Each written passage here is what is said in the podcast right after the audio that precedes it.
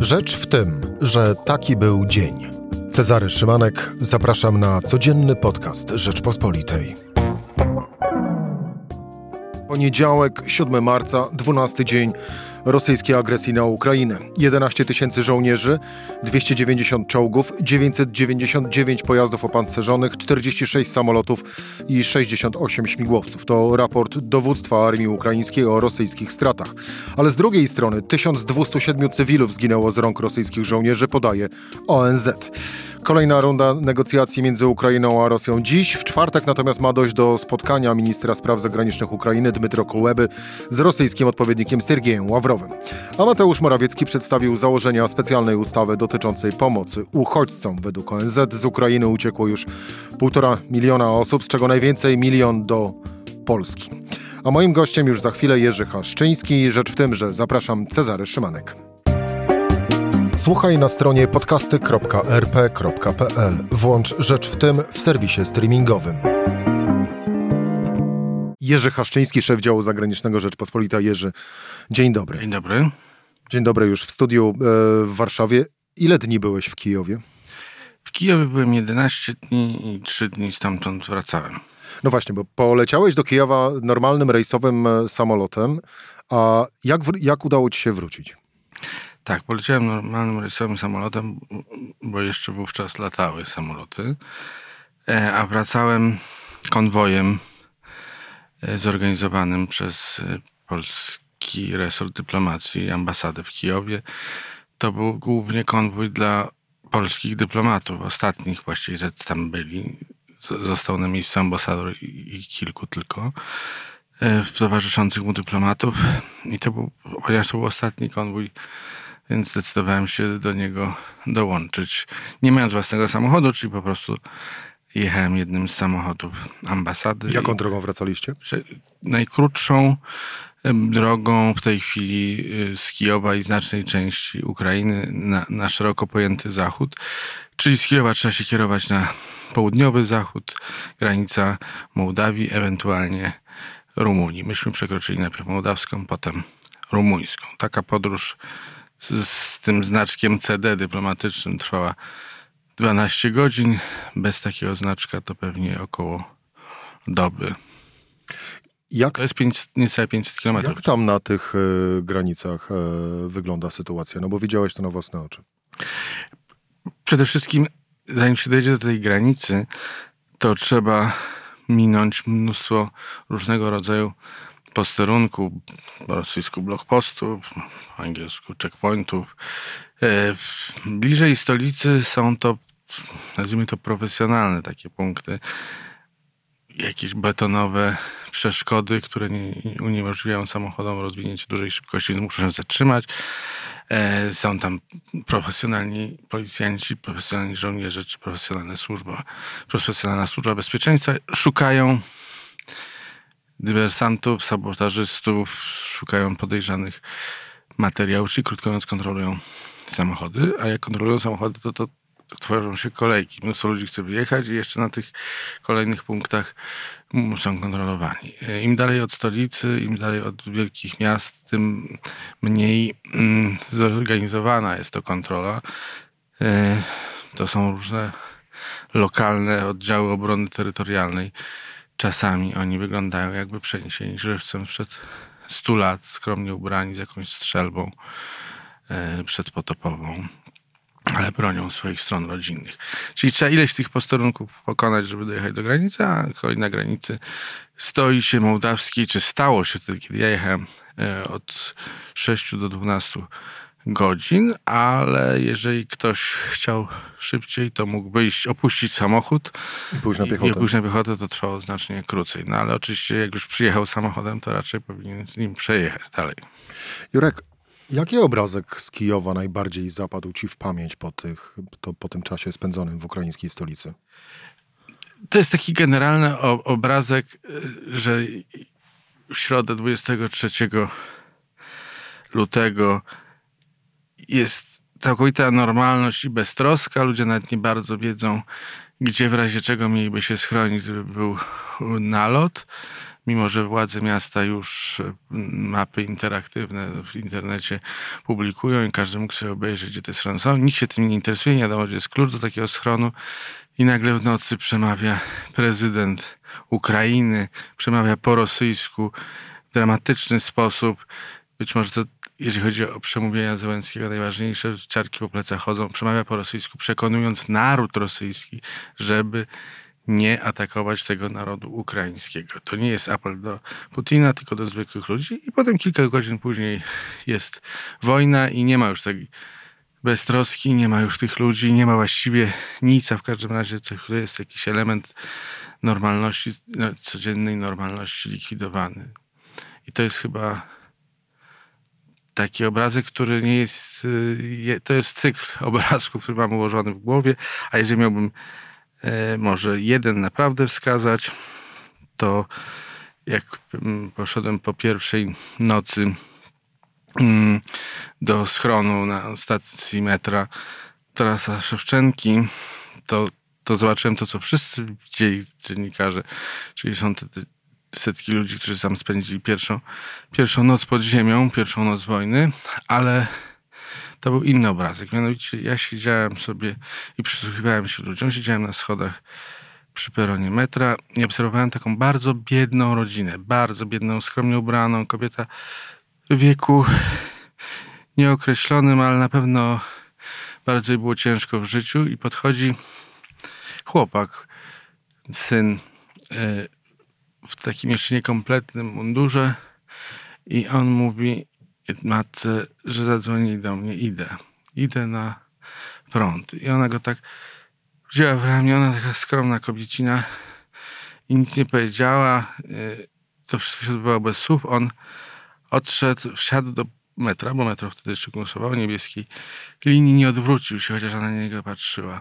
Dlaczego to jest taki obraz? Bo on to nie był ktoś, kto skorzystał na tym, co przez 30 lat niepodległej Ukrainy się wydarzyło. To po prostu bardzo, bardzo biedni ludzie, którym pewnie oligarchowie zaszli za skórę, ale jak trzeba, to bronią. Bronią Ukrainy, a matka to rozumie. To, to był chyba najbardziej wzruszający dla mnie obrazek jeszcze na samym początku wojny. To, co obserwujemy w doniesieniach e, z Ukrainy, e, czy to no właśnie dziennikarskich, czy też po prostu zwykłych ludzi w mediach społecznościowych, to, to ten bijący z tych doniesień e, taki duch wielkiej walki o swój własny kraj. Tak jest w rzeczywistości, czy to jest jednak mimo wszystko trochę podbite takim no, filtrem na zewnątrz?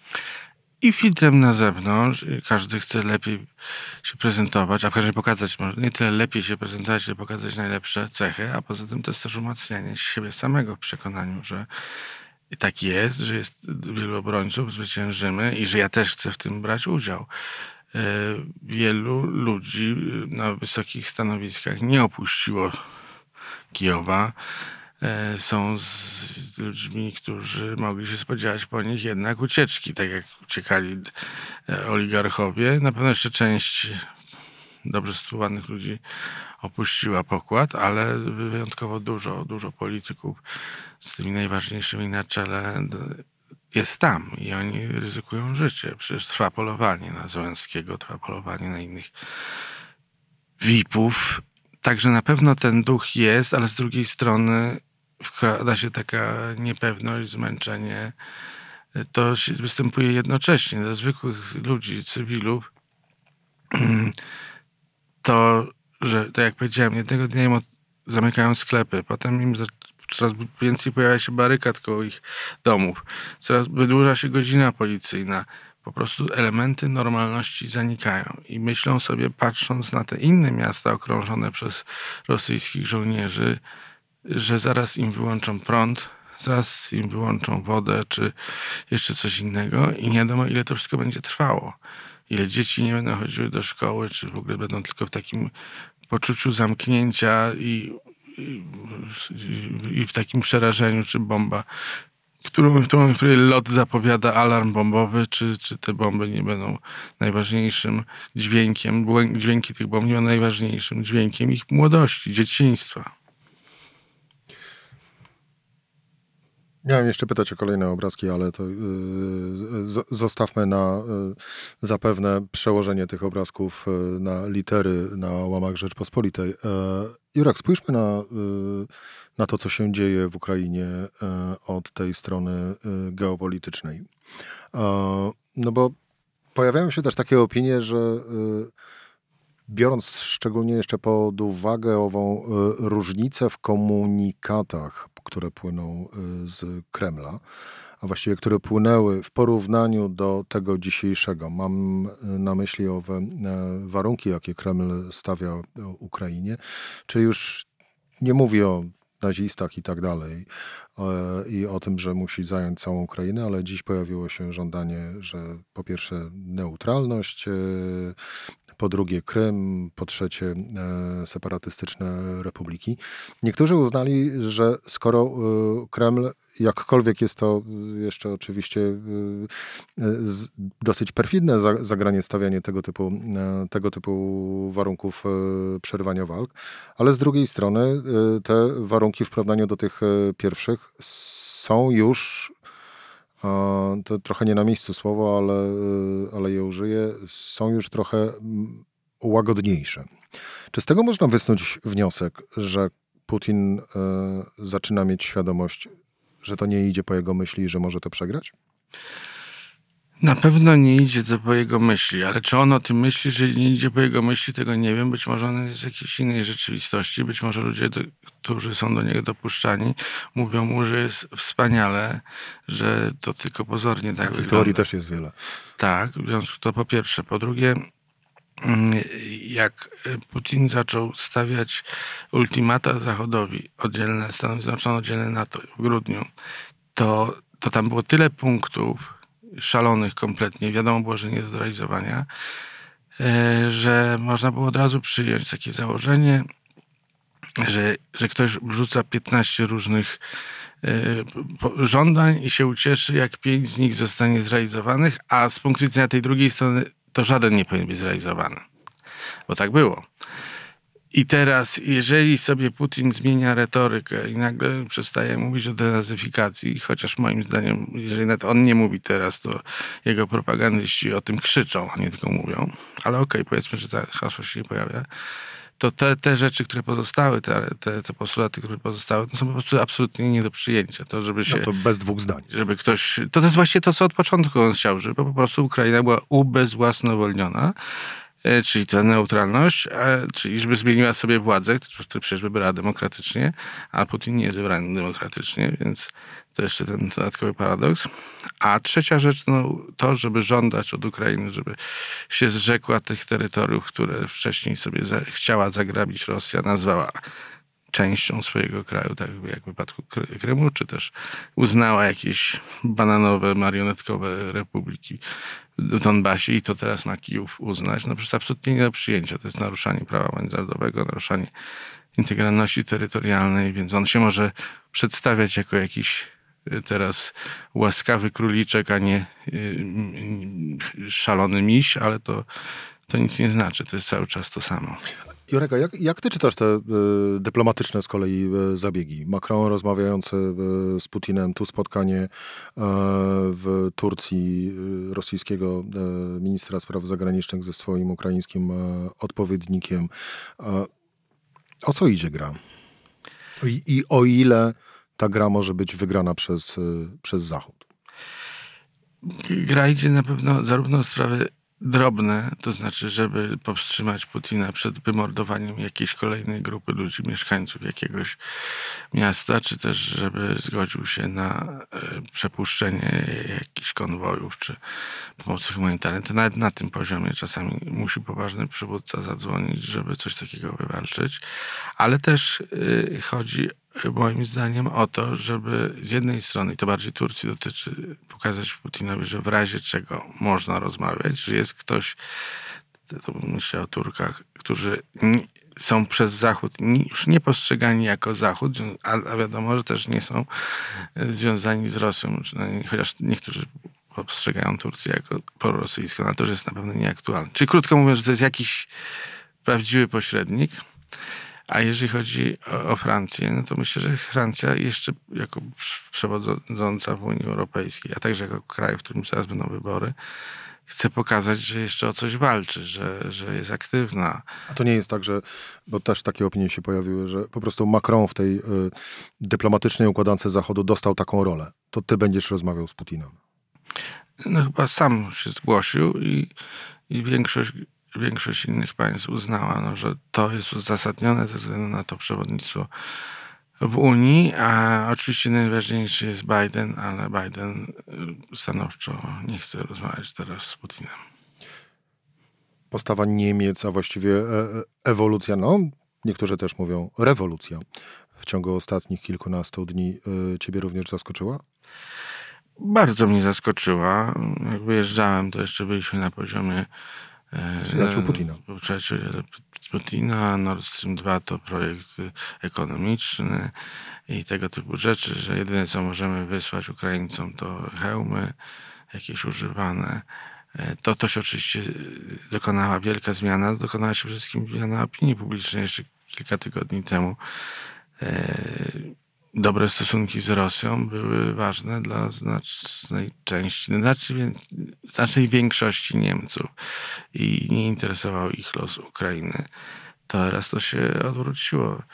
E, natomiast co do polityków, na, na razie jest bardzo dobrze. Koncerny też zgłaszają e, różne sankcje, ale tu trzeba trzymać rękę na pulsie, żeby to nie trwało tylko chwilki, żeby to nie było tak, że że zaraz wrócimy do starej normalności, bo, bo po prostu zmieni się atmosfera, ludzie już będą zmęczeni, nie będą chcieli codziennie tego oglądać. Mówię ludzie w sensie opinia publiczna i że będzie można po cichutku pewne rzeczy zrobić.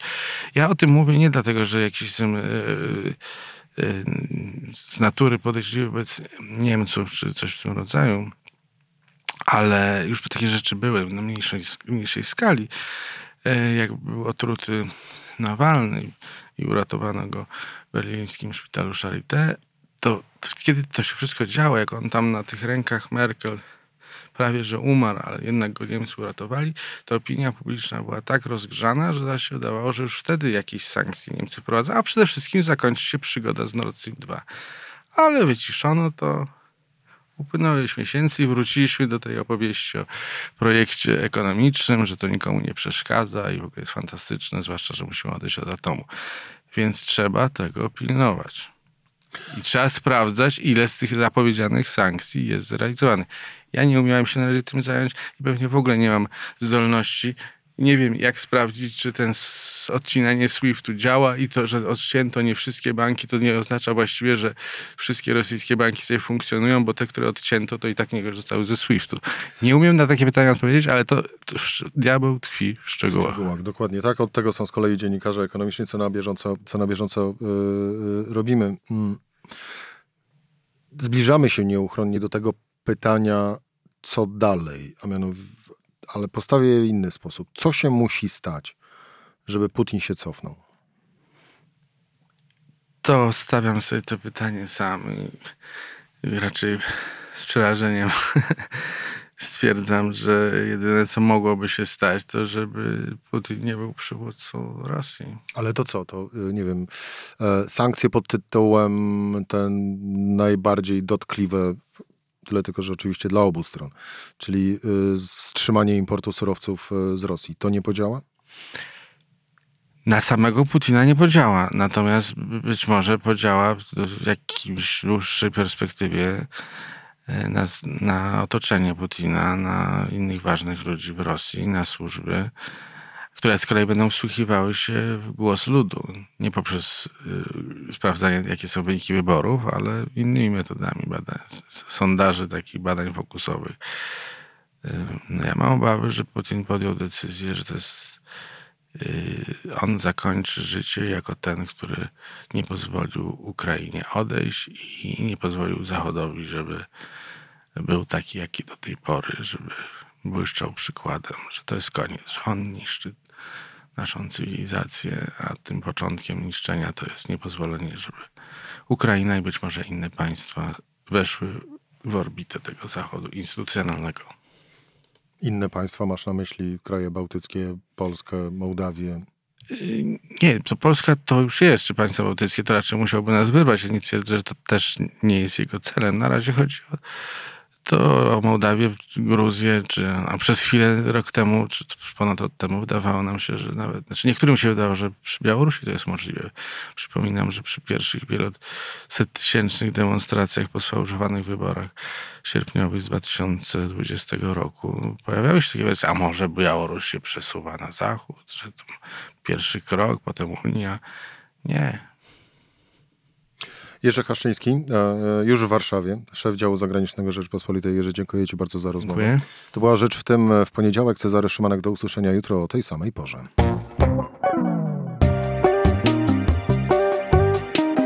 Rzecz w tym to codzienny program Rzeczpospolitej. Od poniedziałku do czwartku o godzinie 17. Słuchaj na stronie podcasty.rp.pl. Włącz Rzecz w tym w serwisie streamingowym.